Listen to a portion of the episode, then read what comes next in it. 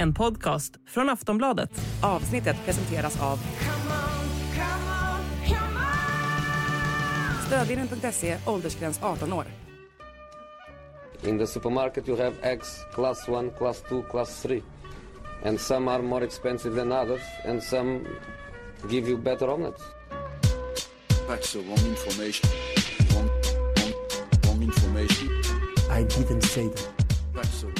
Sillypodden här denna måndag i juli. Makoto Asaras heter jag. Ni som undrar var Patrik Syk har tagit vägen missade kanske förra veckans avsnitt då han konstaterade att han åker på semester och på semester är han här och nu. Och eh, ja, vi kommer ju givetvis ha andra gäster och dylikt under sommarens gång. Men eh, det här avsnittet, det gör jag faktiskt själv. Jag sitter här på ett eh, hotellrum i Malmö på resande fot av logistiska skäl så blev det helt enkelt så. Men då ska vi passa på, för vi har, jag är ju inte själv, jag har ju er lyssnare med mig också. Ni har ställt jättemånga frågor, jag ska försöka besvara så många jag kan under det här avsnittet.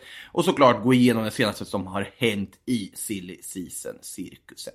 Och ja, vi kan väl börja med innan vi går in på frågorna så kan man ju titta lite på vad som har hänt på sistone. Det har varit en ganska lugn helg. Sillymässigt måste man ändå säga. Det är inte jättemycket som egentligen har hänt. Men man kan säga att det finns nya uppgifter på att Bayern München ska fortsätta buda på Harry Kane. har ju också kommit uppgifter om att de snarare funderar på att ja, ge upp den verksamheten då det är för svårt att förhandla med Daniel Levy. Men eh, som sagt, de verkar inte ha gett upp, gett upp på Harry Kane. De fortsätter att eh, lägga bud. Vi får se om de kan hitta någon form av överenskommelse och vad det blir där. Kane är ju som sagt en väldigt viktig spelare för till Tottenham. Det råder ju ingen tvekan om den saken. Och Levy vill ju ha en väldigt rejäl slant för att tänka sig att ens överhuvudtaget släppa Kane. Det finns ju inte i deras världsbild just nu för Spurs. Så att, att tänka sig en situation utan Harry Kane. Och Levy vet ju själv vilken otrolig PR-förlust det skulle vara att tappa ja, den stora talismanen, den stora stjärnan, stora ansiktet utåt för hela den verksamheten.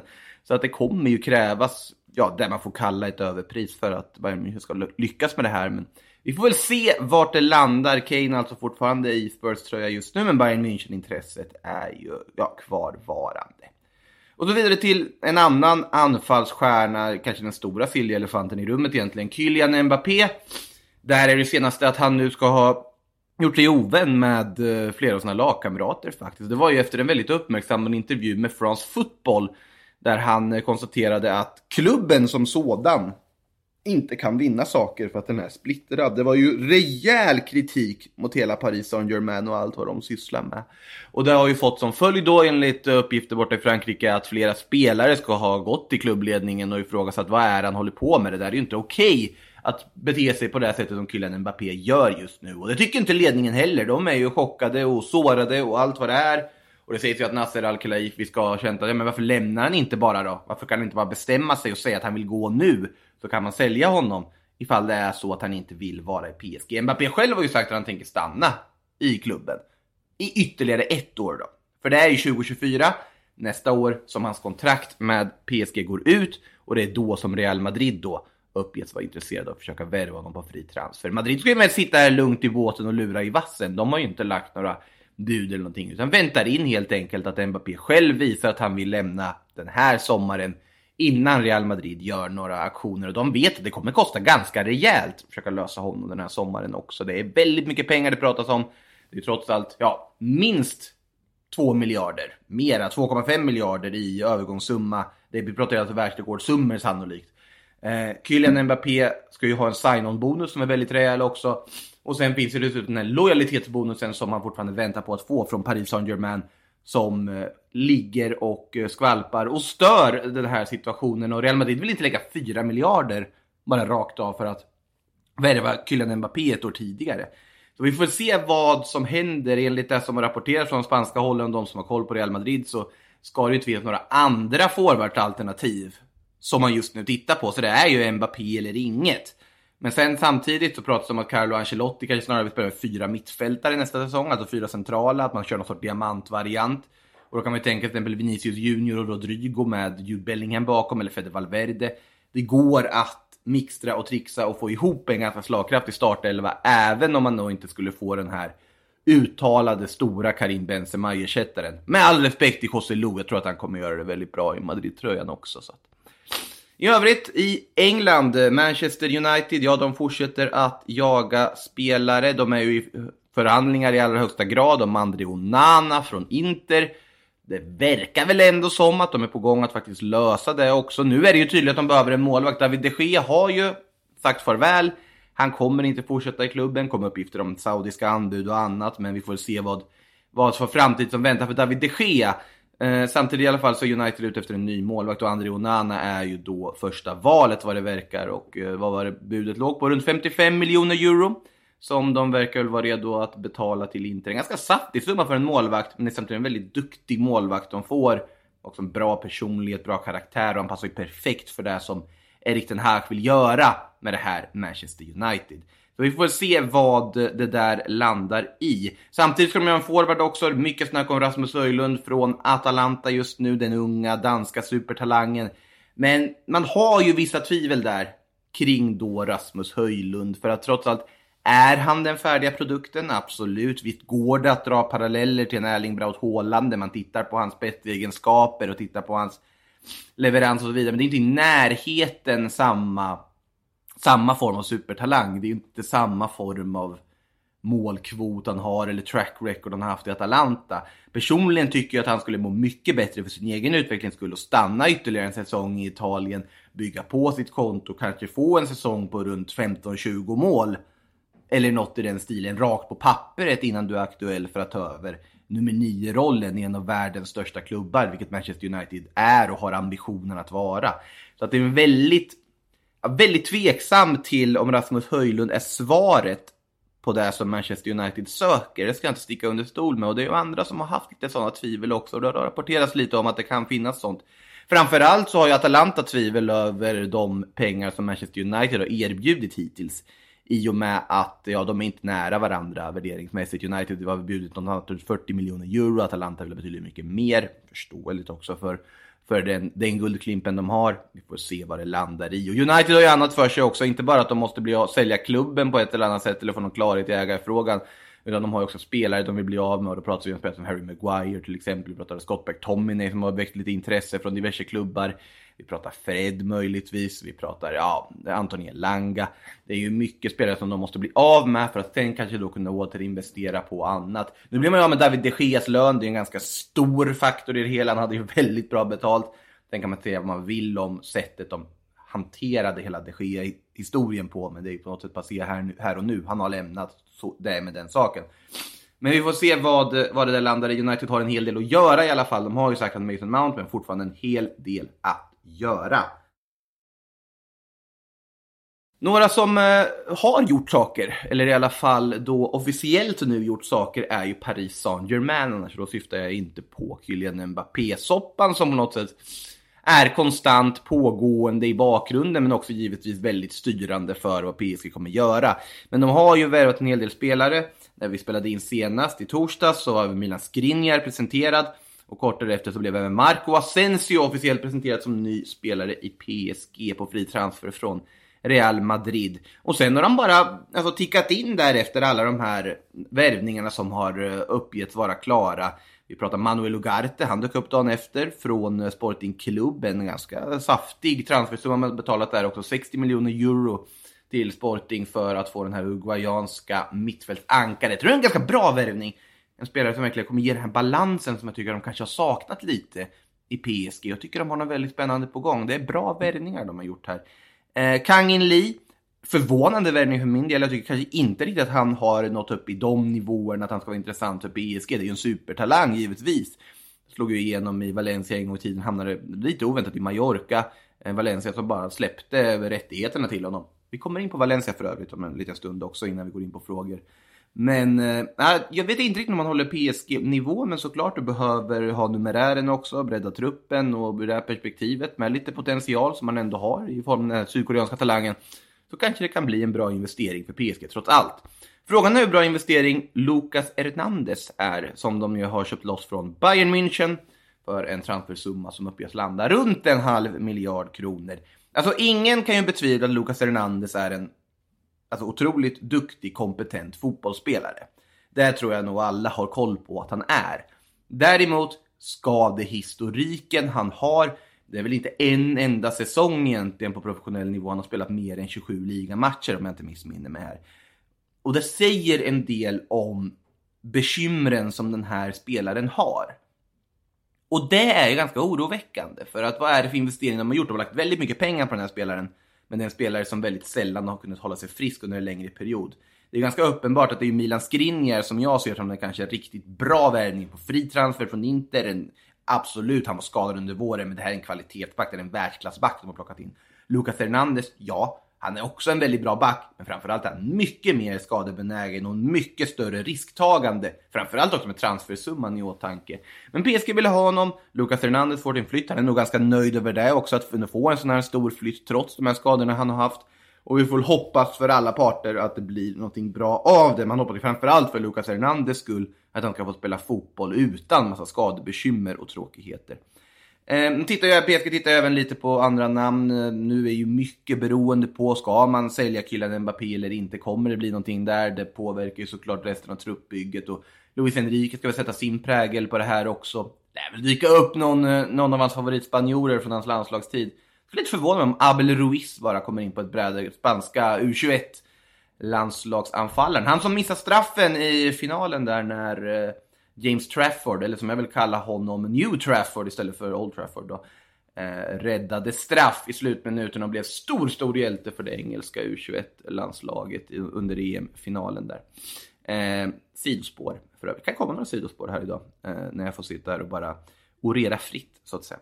Men eh, som sagt, Mbappé det påverkar väldigt mycket vad eh, PSG ska göra. Osman Dembélé har, var RMC Sport som var ute och rapporterade att han är en spelare de gärna skulle ersätta Mbappé med. Frågan om Dembélé är intresserad av att flytta, absolut. Han har en klausul på runt 50 miljoner euro i det här kontraktet med Barcelona. Men om det är någon som Dembélé säkert vill spela under så är det ju Xavi, tränaren som faktiskt såg till att Barcelona behöll Dembélé som gjorde att den här situationen mellan de två parterna vändes till något positivt. Och innan skadan som han hade här under våren så var han ju faktiskt helt outstanding. Eh, jag förstår att Barcelona vill behålla honom och förlänga med honom. Det är en jättekompetent, duktig fotbollsspelare som jag också tycker de ska hålla jättehårt i. Och som jag tror också känner stor tacksamhet, kanske framförallt då till Xavi, för ja, sättet som Xavi jobbade för att få behålla honom i, eh, i Katalonien. Annan spelare på spansk mark som eh, kopplas samman med PSG är ju Joao Felix. Joao Felix är nog en sån spelare som verkligen vill röra på sig med tanke på sitsen han sitter i. Han vill nog inte spela under Cholo Simeone, det gick ju inte så jättebra senast. Därav då lånet till Chelsea och allt vad det var där. Simeone är kvar, han håller på att bygga upp ett nytt Atletico. En ganska spännande Atletico tycker jag ändå. Bra defensiva värvningar de har gjort hittills. Men det, som sagt, där håller det på att byggas, men Joao vill nog inte vara kvar. Men däremot så lockas ju han av PSG. Men det är ju en ganska rejäl summa som eh, den franska storklubben behöver betala om man ska lyckas få över Joao Felix. Men det hade inte varit en dum värvning för dem heller. De behöver ju allt de kan få, eller på att säga. Framförallt om Kylian Mbappé skulle försvinna. Eh, när vi ändå är var och eh, touchade Spanien.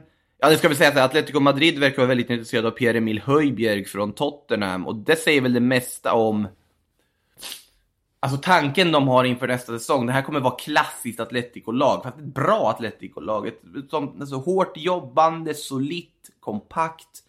Där vi fick se under våren med då Antoine Griezmann som den stora liksom, offensiva hjärnan och den som ska förändrade saker och, och stod för kreativiteten framåt. Och det gjorde han ju på ett helt utomordentligt vis. Griezmann som har tagit sjuan nu också. Atletico ser riktigt, riktigt bra ut. Och Pierre-Emil Höjbjerg, man kan säga man vill om honom i, i Tottenham. Men det känns som klippt och skuren för att spela på ett Atletico-mittfält. Jag undrar om inte det är ganska smart värvning av Atletico om de skulle lyckas genomföra den. De har ju värvat i försvaret främst innan. Xavi Galan, fynd för det här priset de värvar honom för. 5 miljoner euro plus Manu Sanchez. Taget. Eh, Cesar Aspilicueta tror också är en jättesmart värvning. Har rutinen, vinnarskallen kan hantera olika roller i försvaret. Tror han kommer vara väldigt nyttig för eh, Los Rojiblancos. Och dessutom eh, Kajlar Soyuncu från Leicester som jag också tror är en sån här mittback som passar väldigt bra i ett Cholo Simeone-lag. Det ska bli väldigt spännande att följa Atleti nästa säsong. Vi ska inte glömma bort Atleti när det kommer till att eh, ja, försöka förutse vilka som kommer slåss om ligatiteln. Barca och Real givetvis. men också Atletico Madrid. Eh, på tal om Barca så verkar ju Vitor Roque vara på väg in också fortfarande. Det kom väl ett Here We Go här nyligen också. Mycket pengar som Barcelona lägger, men det här är ju en supertalang, en ung anfallare som de då ska försöka få in. Och det här är ju väl investerade pengar för Barcelona. Det här tycker jag är helt rätt för dem och det här är en jättebra värvning. För att det är ju den här typen av spelare de ska lägga pengar på om något, tycker jag. Eh, yngre spelare som kommer behålla ett återförsäljningsvärde, men framför allt kan utvecklas och håller under väldigt många år och kan bli viktiga delar för Barcelona på lång sikt också. För det Barcelona borde vilja göra sett till deras ekonomiska situation är ju att bygga en stomme man kan lita på under en längre tid. Och då givetvis Pedri, Gavi, Ronaldo Araujo, alla de här spelarna ingår ju givetvis också. Såklart att du behöver krydda med vissa äldre spelare kanske då som, som håller här och då. Men samtidigt för Barcelona är ju drömscenariot att man inte ska behöva värva, inte ska behöva leta pengar, inte ska behöva hamna i jordkrig med La Liga för man inte får registrera spelare hit och dit. Det är ju det som borde vara målet för Barcelona truppbyggarmässigt. Såklart målet att vinna alla titlar som går att vinna och bli en stor klubb på alla sätt och vis igen. Tycker de har kommit på god väg dit med tanke på hur de spelade i ligan förra säsongen. Jag ser dem som kanske faktiskt favorit till att försvara ligatiteln på förhand också. Eh, men de behöver ju bygga, de vill ju göra så lite som möjligt på en transfermarknad. Det måste vara deras långsiktiga mål ändå. Man tittar på hur man ska bygga en trupp och hur man ska på något sätt behålla en sund ekonomi. Vi får se vad, vad det landar Men Vito Roque tror jag är en väldigt bra investering på så vis om de kan lösa det här nu från Atletico Paranaense i Brasilien där han spelar. Eh, vi ska in på alla era frågor, men först måste vi nämna Pepe Lou. Och vem är det undrar ni kanske då? Jo, Pepe Lo, för ett år sedan så skrev eh, denna mittfältare på ett tioårskontrakt med sitt Levante. Eh, han presenterades då med en tröja där han hade den liggande åttan, det vill säga evighetstecknet som tröjnummer, det säger väl det mesta. Det var ett livstidskontrakt. kontrakt. Han skulle vara kvar i Levante, han skulle spela vidare för den här klubben som har fostrat honom och gett honom allt i fotbollslivet och var redo för det. Idag så spelar han och har blivit ny värvning i Valencia. Det vill säga Levantes lokalrival. Eh, största antagonister, nu kanske Valencia ser Levante som en ja, i en lägre kategori om ni förstår vad jag menar. Att de inte, det är ungefär lite som Real Madrid och Atletico eller på att säga. Men att Levante, för Levantes del i alla fall, det är det värsta stället du kan gå till. Det, det är de värsta rivalerna för Levante, det är stadsrivalen. Och Pepe Lo då väljer att göra den här flytten efter att då Levante missat uppflyttning från Segundan tillbaka till La Liga på ett övertidsmål i playoffet. Och det här är ju ja, fascinerande hur snabbt det kan gå. Att du går från att skriva på ett tioårskontrakt med en klubb till att skriva på Valencia. Och Valencia i den här situationen de är dessutom. Det är inte liksom Valencia i sin prime man går till direkt. Det är ett Valencia som tampades med näbbar och klor för att undvika nedflyttning förra säsongen som, som nu värvar Pepelo. Bra värvning för Valencia måste jag tillägga. Det är helt rätt typ av karaktär att gå för för deras del. Ruben Barajas första värvning dessutom sen han tog över tränarposten. Men såklart att det svider hos Levante-fansen och se Pepelo ja, sticka kniven i ryggen på dem på det här sättet han gör. För det gör han ju faktiskt. När han skriver på ett livstidskontrakt ett år innan. Eh, så var det med det. Säkert massa andra saker som jag har missat att gå igenom här. Och det kan ju mycket väl på klassiskt Sillypodden maner har hänt mycket medan jag sitter här och pratar. Ryan Reynolds här från Mint Mobile. Med priset på nästan allt som går upp under inflationen, trodde vi att vi skulle bring våra priser down. So to help us, we brought in a reverse auctioneer, which is apparently a thing. Mint Mobile unlimited premium wireless. Ready to get 30, 30, bit to get 30, bit to get 20, 20, 20, bit to get 20, 20, bit to get 15, 15, 15, 15 just 15 bucks a month. So, Give it a try at mintmobile.com/switch. slash $45 up front for 3 months plus taxes and fees. Promo rate for new customers for limited time. Unlimited more than 40 gigabytes per month slows. Full terms at mintmobile.com. Vi ska gå in på lite frågor för ni har många frågor eh, som ni har skickat in. Och det är ju kul. Eh, så vi ska se vart vi ska börja. Vi kan väl börja på eh, mycket frågor om West Ham faktiskt. Eh, bland annat Mjuk 20 som frågar här. Vem kommer ersätta Rice i West Ham? Är Joao Palinha den ultimata ersättaren? Ja, det skulle jag nog vilja säga att han är. Alltså han skulle ju vara en kanonvärvning givetvis. Problemet är väl att hur i hela friden ska de ha råd att värva honom? För att Fullen vill inte släppa honom, det är ju, råder ju ingen tvekan om den saken. Eh, och det skulle kosta väldigt mycket att köpa loss honom. Så då är det väl lite andra namn som man får titta på snarare. För jag tror inte Palinja är realistiskt i det här läget för, eh, för West Ham. Däremot så kan man ju då vidare till en annan fråga här från Viktor Granbrandt som frågar om det är helt tyst om James Ward. Prowse. Och det är ju inte därför att just West Ham kanske är en av de klubbar som har kopplats samman allra mest med James Ward-Prowse. Eh, om ni undrar vem James Ward-Prowse är, det har ni säkert koll på om ni lyssnar på Sillypodden.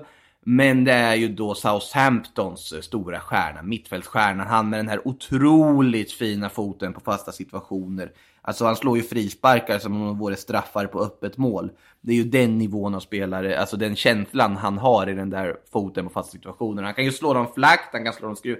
Han har ju så mycket olika saker på sin frisparksrepertoar, James Ward-Prowse. Han är en ganska bra spelare i övrigt också ska sägas. Men han lär väl inte hänga med Southampton ner i Championship i alla fall. Hur mycket en klubbikon och trotjänare han än är, så har han hunnit fylla 28, han är för bra för Championship, det känns väl som att han kommer lämna och det är ju många Premier League-klubbar som såklart kopplas samman med honom.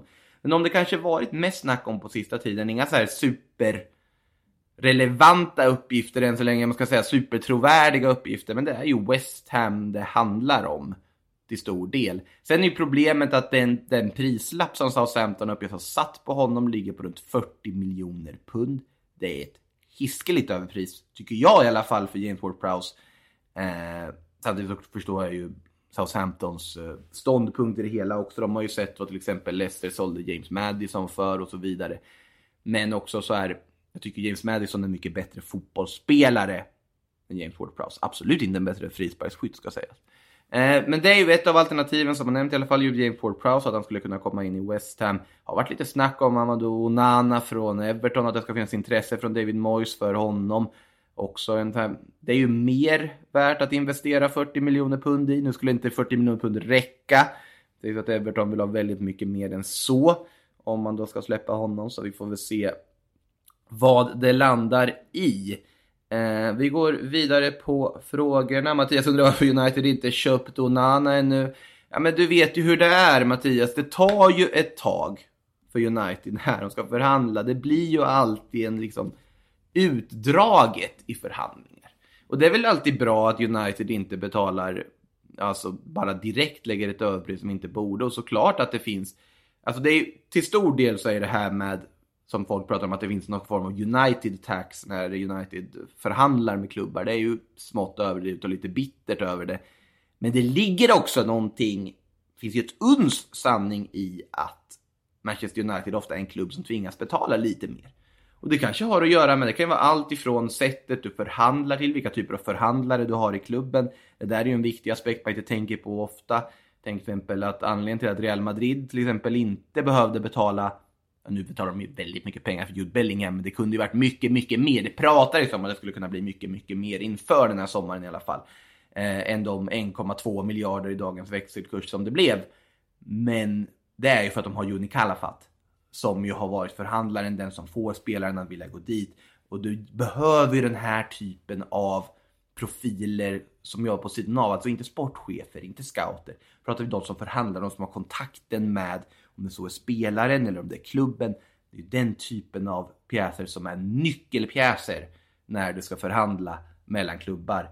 Och i det här fallet så verkar det som att United kanske inte riktigt har de sakerna på plats.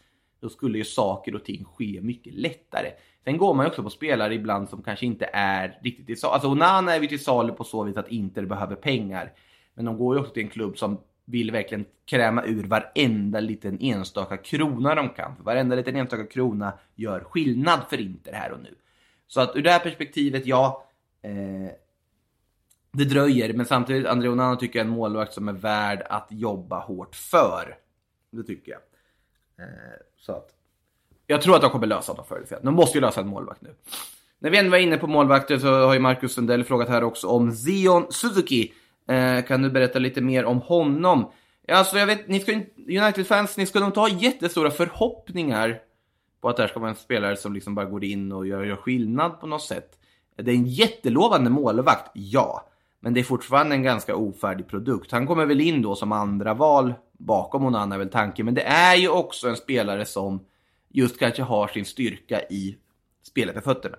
Och det här är ju väldigt tydligt då att det här skulle i så fall vara en spelare man anser skulle vara, ja vad ska man säga, en ganska alltså sömlös ersättare ifall Onana till exempel då skulle vara skadad som har de här egenskaperna just att kunna spela med fötterna är Kalmar. kan sättas under press utan att liksom stressa upp sig för mycket. Vet att han kan slå passningar när han vill och kan hantera bollen med fötterna. Där är ju som jag har förstått det, Dion Suzukis största styrka. Sen är fortfarande en ung målvakt som inte heller helt har tagit första tröjan i Urawa Red Diamonds i Japan. Han har en, alltså det finns andra mål. han är inte liksom första valet där ens. Vi pratar det. Eller i alla fall inte det självskrivna första valet. Så att det är ju ganska, han har inte jättemycket erfarenhet på så vis. Och absolut, det är också en indikator på att ja, men han skulle då kunna hantera en reservroll i United. Givetvis är det så. Eh, han har ju fortfarande utvecklats, han har gjort debut i det japanska A-landslaget och det är en jättelovande målvakt som i alla fall jag tror kommer att kunna bli första spad, om man får använda hockeyspråk, då, i det japanska landslaget på sikt. Eh, här och nu är han ju dock inte den färdiga produkten, men för 5 miljoner euro eller vad det pratas om i sammanhanget eh, skulle för övrigt vara ett försäljningsrekord för J-League. Bara en sån sak. De säljer inte så dyrt från den japanska ligan. De brukar ju hoppa emellan till de här olika men man ska kalla kolonierna, men alltså till exempel i Sint-Truiden i Belgien så fanns det otroligt mycket japanska spelare. För det finns ju vissa klubbar som är med någon sorts inkörsportar ut i stora vida fotbollsvärlden. Och de japanska spelarna brukar väl hamna på någon sån anhalt innan man då går vidare eller då rakt på fritan för någon Bundesliga-klubb eller något. De brukar alltid ha någon litet stopp i någon mindre klubb på vägen. Väldigt sällan man ser en spelare gå direkt från J-League rakt till Manchester United. Eh, jag funderar på om vi någonsin har sett... Ja, Junichi Inamoto börjar jag ju tänka på som i Arsenal. Han gick väl raka vägen från Japan om jag inte minns fel. Eh, det blonda yrvädret där runt eh, millennieskiftet. Men ja, ni som minns, ni minns. Eh, men Sion Suzuki, som sagt, han eh, är ju värvad som en backup i sånt fall. Till och med man kanske lånar ut honom om man värvar honom, jag vet inte. Men eh, som sagt, det är en väldigt spännande, lovande målvakt i alla fall som har just de egenskaperna som Erik Ten Hag verkar vilja ha hos en målvakt. Så ur det perspektivet är det en väldigt spännande och kanske smart värvning också, beroende på hur man ser det här med andra målvakter, om man vill ha man vill ha en ung lovande sådan eller om man snarare vill ha liksom en erfaren. Det, vi får se. Suzuki verkar i alla fall ha de chanser han har fått har han nu tagit väldigt bra. Eh, Filip Schützer Wetterlund frågar Lucas Hernandez stora skadebekymmer i Bayern. Vad kommer han åstadkomma i PSG? Bayern har haft tålamod med honom men han har varit stundtals briljant om han lyckats spela hälsningar lite besviken bayern supporter Och jag vet inte varför man skulle vara besviken som bayern supporter absolut. Det kunde ha blivit något mer med Lucas Hernandez. Och det var en spelare man investerade väldigt mycket pengar i. Men att lyckas få honom såld för det här priset nu med den skadehistoriken. Jag tycker att det är ta pengarna och spring för Bayerns del. Framför allt med tanke på vem de kommer få in som ersättare. För vi kan ju räkna Kim Min-Jae som klar. Nu har han väl inte officiellt presenterats när jag sitter och pratar här, så vitt jag har koll. Eh, men det är, han är ju klar. Och det är ju Serie A's bästa back förra säsongen som man får för ungefär en liknande prissumma. Några fler miljoner är det ju. Men det är ju en jätte, jättebra värvning på alla sätt och vis. Och han har ju, det, vi pratar om en spelare som inte har satt en fot fel på typ 3-4 år åtminstone. Han satte inte en fot fel i kinesiska ligan, han satte inte en fot fel i Fenerbahce, han satte inte en fot fel under scudetto-säsongen i Napoli. Det är en fantastisk mittback tycker jag. Och att då ersätta Kim Min-Jae, alltså få in Kim Min-Jae istället för Lucas Hernandez med hans skadehistorik, jag tycker det är en no-brainer för Bayern. Otroligt bra business skulle jag säga. Sen kan man ju vara lite fundersam över andra aspekter i Bayern. Att det är ju fortfarande nian de vill ha. Hur mycket ska de lägga på Harry Kane? Kommer de orka förhandla hela vägen med, eh, med Tottenham? Det finns ju andra positioner där det finns lite som tisslas och tasslas kring också. Eh, vi kan ju ta Melvin Becks fråga, för den är inne lite på samma sak här som jag kom, börjar komma in på. Kommer Bayern få loss Kane? Så många spelare ryktas lämna Bayern, som till exempel Pavard, Goretzka, Sabitzer. Svårt att säga vilken prislapp, vilka klubbar skulle vara intresserade. Känns som att de är för dåliga för toppklubbar. Goretzka är ju inte för dålig för en toppklubb, skulle jag säga. Men i alla fall. Var tredje spelare som till exempel Goretzka. Alltså Goretzka skulle jag ju kunna se i väldigt många klubbar. Tottenham skulle må jättebra av honom. Chelsea skulle faktiskt må ganska bra av honom. Säg att de inte skulle lösa Caicedo då, att det inte går att förhandla med Brighton. Gå för Leon Goretzka till det mittfältet. Det passar inte riktigt profilen som Chelsea försöker värva just nu, nej. Och som sagt, Chelsea har en liten annan approach till saker och ting och de tittar på lite andra typer av namn än vad kanske Leon Goretzka skulle vara. Men alltså kvalitetsmässigt och spelartidsmässigt. Förstå honom bredvid Enzo Fernandes. Jag tror att det kunde bli helt fantastiskt. Eh, och Goretzka så här överlag. Säg att Goretzka accepterar någon form av mer roterande roll.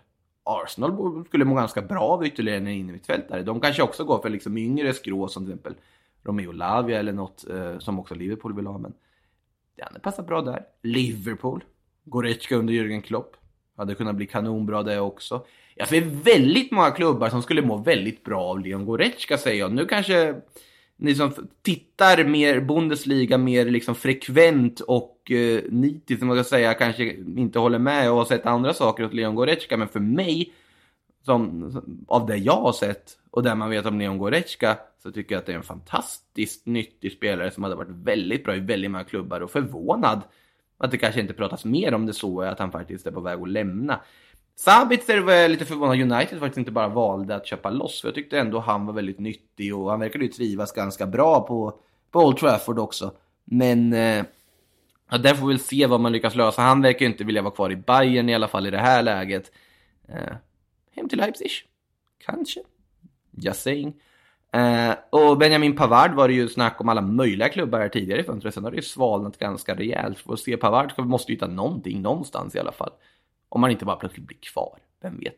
Men det är ju mycket som händer i Bayern i alla fall. Det ska ju, och sen har du ju liksom hela Sadio Mané-sitsen där också, om, du ska, om han ska bort eller inte. Eh, det, det, finns ju många olika frågetecken i det här Bayernbygget. Hur mår Alfonso Davis just nu? Hur intresserad är han egentligen med tanke på att han inte verkar vilja förlänga med eh, Bayern i dagsläget med tanke på truppbygget?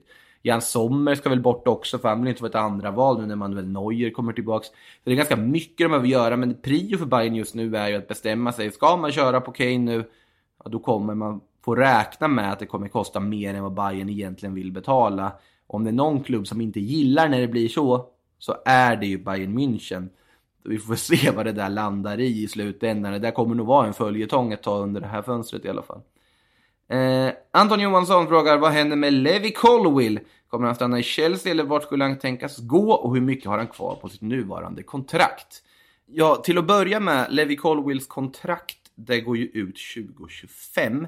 Chelsea ska väl vilja förlänga det här också. De verkar vara väldigt tydliga med att de vill behålla honom i, i laget och i truppen och att man verkligen tror på den här spelaren som gjorde det väldigt bra på lån i, i Brighton förra säsongen. Brighton ville köpa loss honom rakt av då, fick jag ganska tydligt nej. Eh, sen är det Liverpool som har varit intresserade också, men Chelsea verkar inte vilja släppa Levi Colwill. Och jag hoppas ju att man ger Levi Colwill chansen. Eh, nu har man ju Thiago Silva kvar också, men samtidigt du har Badia Chile, då Fofana, Levi Colwill. Då har en ganska bra mittbacksuppsättning tycker jag på, på alla sätt och vis egentligen. Så att, eh, ja, håll hårt i Levi Colwill. Jag tror att han kommer att stanna och jag hoppas att han får möjligheter. Sen skulle det kunna vara så att om Colwill inte får så mycket speltid och kanske mest hamnar på en bänk och tittar på i Chelsea under hösten. Då kanske Colwill själv funderar på till vinterfönstret att ja, men är det verkligen värt att stanna i Chelsea? Eh, men jag tror inte att det kommer bli någonting nu i sommar. Det hade ju varit bokstavligt talat hål i huvudet från Chelsea-ledningen att släppa Colwill. Eh, det är ju bara att jobba för att förlänga det där kontraktet, för det där är precis den typ av spelare som de ska satsa på och som de borde vilja behålla. Framförallt man har pratat om att man ska lägga mycket stor vikt vid liksom ungdomsakademin och egna produkter och så vidare. Då borde Colwell vara en spelare som man håller stenhårt i, en av de kanske allra viktigaste spelarna att behålla egentligen i hela truppen. Sett till hans kvaliteter, hans ja, potential och att han som sagt, han är en homegrown-spelare. Eh, när vi är inne på defensiv så frågar Mighty Mike om en defensiv i en annan del av London, nämligen Spurs defensiv. Förra sommaren ryckte ju Spurs i Bastoni och Guardiol. I år pratas det mest om eh, VDV och Tapsoba. Eh, jag tror att du menar, eh, vad blir det? Mickey van de, ja just det, van de Ven ja. För när jag säger VDV så tänker jag Nej, just det. Virgil van Dijk är ju VVD. Glöm det. Eh, Mickey van der Ven och eh, Tapsoba. Varför håller det ens måttet? Och nya målvakten kan han bidra till att stadga upp det.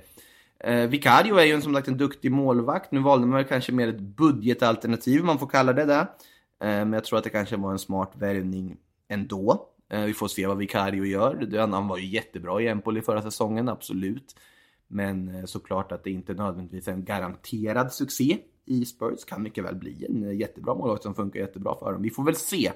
Eh, jag tycker både Mickey van der Ven och eh, Edmond Tapsoba är väldigt spännande värvningar och absolut spelare som håller måttet.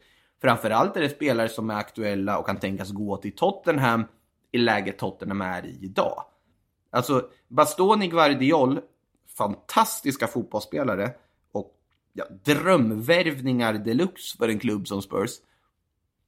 Men de var nog aldrig riktigt aktuella. Alltså, Bastoni vill inte lämna Inter till att börja med. Han förlängde ju nyligen här till 2028 också. Guardiol verkar ju vara snarare på Citys radar och City kommer ju behöva öppna plånboken på vid gavel för att få igenom den övergången. Med tanke på att ja, det är ju det, han kommer bli den dyraste backen genom tiderna om City löser den övergången från RB Leipzig. Leipzig hade ju inte något intresse av att sälja honom den här sommaren egentligen. De tittade ju på att sälja honom om ett år, kanske för liknande summor. Men som sagt, de, Guardiol är ju the real deal.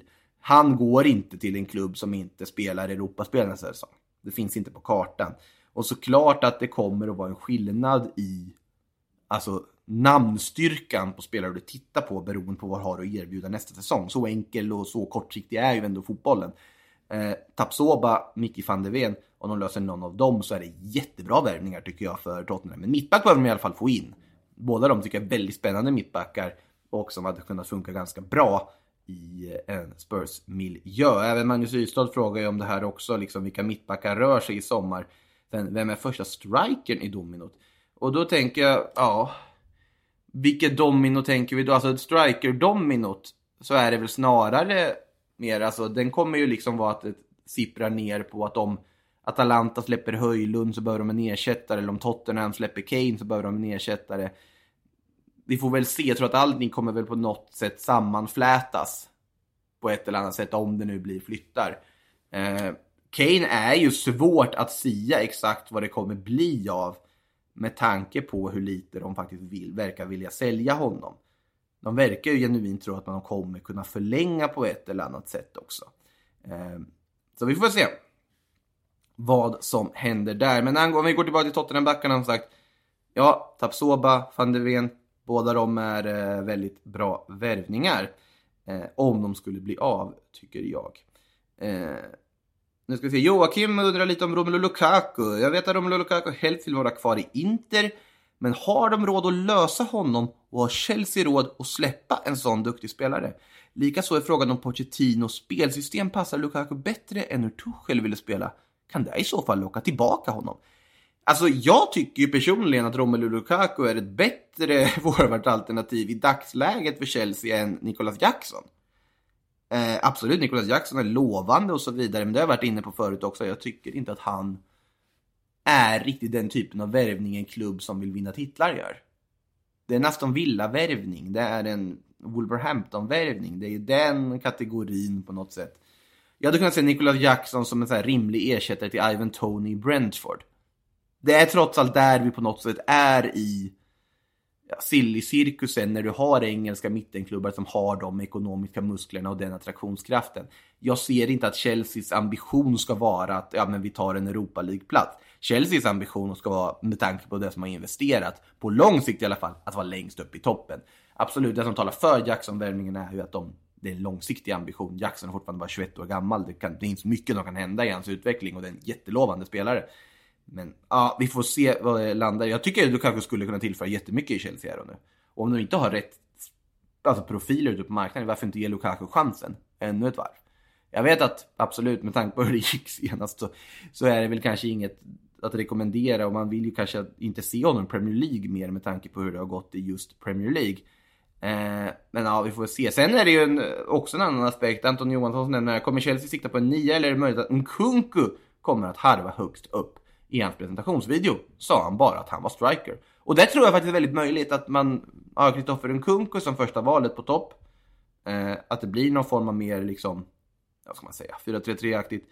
Nu, sen då behöver man ju snarare kanske en offensiv mittfältare då, för nu har du gjort dig av med Mason Mount och gjort dig av med Kai Havert och så vidare. Du har gjort dig av med Joao Felix. Eh, så att då, ur det här perspektivet så kanske du vill ha ytterligare någon mer kreativ mittfältare bakom Nkunku i sånt fall. Alternativt en tvåvägs och ett mittfältsankare för att kunna bygga upp det här mittfältet där du redan har eh, Enzo Fernandes, du vill ha någon form av Moises Caicedo eller någon annan. Behöver du ytterligare en där i sånt fall. Så såklart att det är ett alternativ att använda en Kunku rent ut sagt som striker och ha Nico Jackson som backup då. Men vi får se var det landar. Då behöver de snarare mittfältare. Så oavsett så tycker jag behovet finns ju för två spelare. Det behövs en defensiv mittfältare, där det uppenbarligen är då som sagt Moises Caicedo. Och sen behövs det en offensiv spelare. Om det så är en offensiv mittfältare, eller om det är en renodlad nia. Det är väl känslan och kortfattat jag får av läget i, ja men i, vad heter det, Chelsea. Vi har fler frågor. Kadir Kajan vill att jag pratar Galatasaray. Icardi, Paredes, Angelino. Ja, vad de här tre gemensamt? Jo, alla är faktiskt på väg till Galatasaray på ett eller annat sätt. Icardi ska de ju verkligen köpa loss och rätta mig om jag har fel, men han har ju faktiskt hittat rätt borta i Turkiet till slut. Mauro Icardi, denna konstanta ja, dokusåpa som han och eh, hans eh, företeelser är. Eh, men ja, han verkar ju köpas loss från Galatasaray. Det är väl jättebra för Galla att köpa loss honom med tanke på att han ändå gjorde 22 mål på 24 matcher i Galla förra säsongen. Gjorde supersuccé som sagt i den turkiska ligan. Eh, sen i övrigt, det är bra värvningar. Det pratas när det pratas om Angelino och eh, Paredes. Alltså Paredes, jag är ju svag för Leandro Paredes, det måste jag säga. Sen, sen fattar jag att det finns begränsningar i Leandro Paredes och det finns framförallt också mindre begränsningar när det kommer till liksom hans stubin. Den är ju något kortare ibland på planen, vilket vi har sett i landskamper och annat. Men han närmar sig Galatasaray. Det är jättebra värvningar för Galas del, det råder ingen tvekan om den saken och de rustar ju väldigt fint. Ska vi se vad Fenerbahce gör med eh, pengarna de fick för Arda Güler också när vi pratar om den turkiska ligan. Det är ju en, är en intressant situation där om inte annat. Men Gala rustar och de eh, rustar med intressanta spelare tycker jag i alla fall. Eh, vad har vi mer för frågor? Gunners, fråga, Gunners SG rättare sagt, frågar Rice som sexa eller åtta. Tycker han har extrema kvaliteter att driva med boll och bra tillslag med båda fötterna, vilket passar bra. En lite friare roll som åtta, samtidigt som han defensiva kvaliteter och styrkor i att täcka stora ytor, passar bra som sexa. Med tanke på vad de har sagt om Kai Havertz så är svaret enkelt. Han kommer att spela sexa, tror jag. Eh, beroende på matchbild. För det kan ju vara vissa matcher där du kanske snarare vill ha två mer defensivt präglade mittfältare. Då kan han ha Rice i åtta rollen ha Ödegård eller Havert och därefter då ytterligare mittfältare om det så är Lavia om man lyckas värva honom eller om det är någon annan eller vem de nu värvar som ytterligare komplement. Jorginho skulle de ju kunna få kasta in där också och ha någon sorts ja, defensiv speluppläggarroll bakom med Rice i lite mer Granit Xhaka-roll. Så att, ja, det är ju också en del av vad som gör den här Declan Rice-värvningen så otroligt bra för att han är inte bara att han ska vara ett stoppkloss och ett ankare och är vital på det sättet. Han är vital i alla möjliga aspekter, både på och utanför planen. I sättet han är, sättet han agerar på planen, hans ålder. Han kommer att vara en grundbult i det här Arsenal-laget i väldigt många år framöver. Och vi har pratat väldigt mycket om det tidigare också. Jag är helt övertygad om att så kommer bli fallet. Eh, jag blir väldigt förvånad om eh, det inte skulle bli supersuccé för Declan Rice i en Arsenal-tröja, det ska jag faktiskt säga. Ehm, vi ska se, Troublemaker frågar, finns det några ryska spelare som hade kunnat spela i de stora ligorna eller är de bannade där med? Alltså vi har ju ryska spelare som faktiskt spelar ute i Europa fortfarande. Jag tänker på liksom Alexander Kokorin och eh, Miranchuk i, eh, i, vad heter det, i Serie A till exempel. Eh, Dennis Cheryshev still going strong. Nu är väl i Serie B tror jag med Venezia, den eh, gamle spansk-ryssen Cheryshev. Sen är det ju så att såklart att det, det är ju av förklarliga skäl med all rätt en, en svår situation. Eh, och vi ska väl inte gå in för nära på den, men jag har svårt att se att europeiska toppklubbar ska känna att det är värt att gå till ryska ligan och värva spelare rakt därifrån i dagsläget. Jag tror inte att det är riktigt aktuellt. Eh, men man vet ju aldrig egentligen överhuvudtaget. Men ur det perspektivet annars så det är väl de som är, redan är ute, ute på fält så att säga, eller ute i, i de stora ligorna i Europa som skulle vara aktuella att flytta i sånt fall då. Men nej, i övrigt så har jag svårt att se det i alla fall. Eh, Lazios president Lotito öppnade för en försäljning av Milinkovic Savic igår i sina uttalanden. Kommer han gå till Juventus och är han vad Juve behöver? Frågan från Andreas Juliusson. Eh, jag tycker väl att är det inte dags för Sergej att röra sig nu? Vi har pratat om Sergej i väldigt många fönster och Lotito pratar väl om Sergej så fort ett transferfönster öppnar. På ett eller annat sätt, om det är så att han är till salu för ett pris eller att han inte är till salu eller vad det nu är. Eh, såklart att Juventus skulle må bra av att värva Sergej Milinkovic Savic. Såklart att Juventus skulle bli ett bättre lag av att få in Sergej Milinkovic Savic. Nu har dock Juventus gjort sin viktigaste värvning redan nu och det är när de presenterade Cristiano Giuntoli som ny sportchef. Trots allt, Giuntoli, det jobb han gjorde med Napoli och det sättet han lyckades hitta spelare till att bygga det där scudetto-laget. Vilket sportcheferi. Eh, jättefin värvning av Juventus att få in honom som sportchef måste man säga.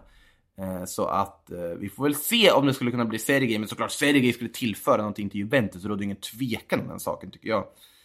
Eh, fråga från Stefan Ramos, blir Mbappé klar för Real Madrid i juli eller augusti? Alltså det kan ju hända vad som helst.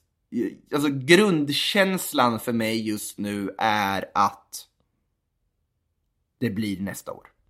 Men det kan ju det kan ändras under dagen. Eh, men jag vet inte. Det är så svårt att veta någonting när det kommer till Kylian Mbappé. Eh, som Real Madrid litar ju inte på ett ord han säger i dagsläget med tanke på vad som hände förra sommaren. Eh, samtidigt, Real Madrid är i ett läge där man såklart gärna skulle vilja få in honom, men det är också en betydande investering du måste göra. En betydande transfersumma du måste betala här och nu. Man skulle säkert vilja ha liknande sign-on oavsett. Så att är Real Madrid redo att betala så mycket pengar. De, pengarna tror jag finns om man vill. Frågan är om de redo att göra det. För om det är någonting Real Madrid har gjort de senaste åren, det är att inte betala över sina egna tillgångar. Det kommer, alltså, man tittar på, ja men de värvade ju Bellingham för en miljard nyss. Jo, men de blev av med extremt höga löner när både Karim Benzema och Eden Hazards kontrakt försvann. Så att där frigjorde du jättemycket kapital bara på det.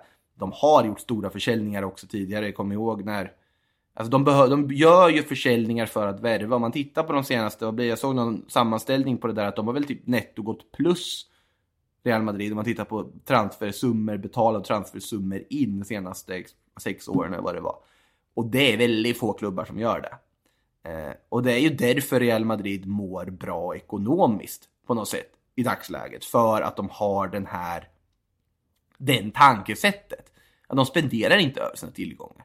Och så länge Florentino Perez är ordförande i Real Madrid och styr den skutan, då kommer de inte hamna i ekonomiska bekymmer, för han kommer inte låta dem göra det. Eh, så att, ah, det, det, det, är ju det som är frågan då. Tycker man att det är värt att investera? Är det liksom försvarbart att investera de pengarna som det kommer krävas den här sommaren? Då måste de få ner transfersumman ganska rejält och då måste Kylian Mbappé med egen ekonomisk uppoffring visa att han är redo att verkligen vilja göra den här flytten och att han verkligen ångrar sig över att han skrev på det där kontraktet för ett år sedan. Det har inte han gjort. Så att, eh, ja, det är eh, fortsättning följer på den är det inte. Ja. Eh, Erik Aronsson, Vlahovic till PSG, men borde det inte vara en del andra klubbar på jakt efter honom? Pratat väldigt lite om honom, är känslan. Ja, alltså det borde väl vara det. Samtidigt, Vlahovic har ju inte några supersiffror på CV efter förra säsongen. Det har väl i och för sig väldigt få spelare i Juventus. Eh, men fortfarande, det är en ung forward som skulle kunna tillföra mycket. Jag tycker att Manchester United borde vara där och titta. Jag tror att han hade passat betydligt mycket bättre och är mer en färdig, färdig stjärna än vad till exempel Rasmus Höjlund är i mitt tycke.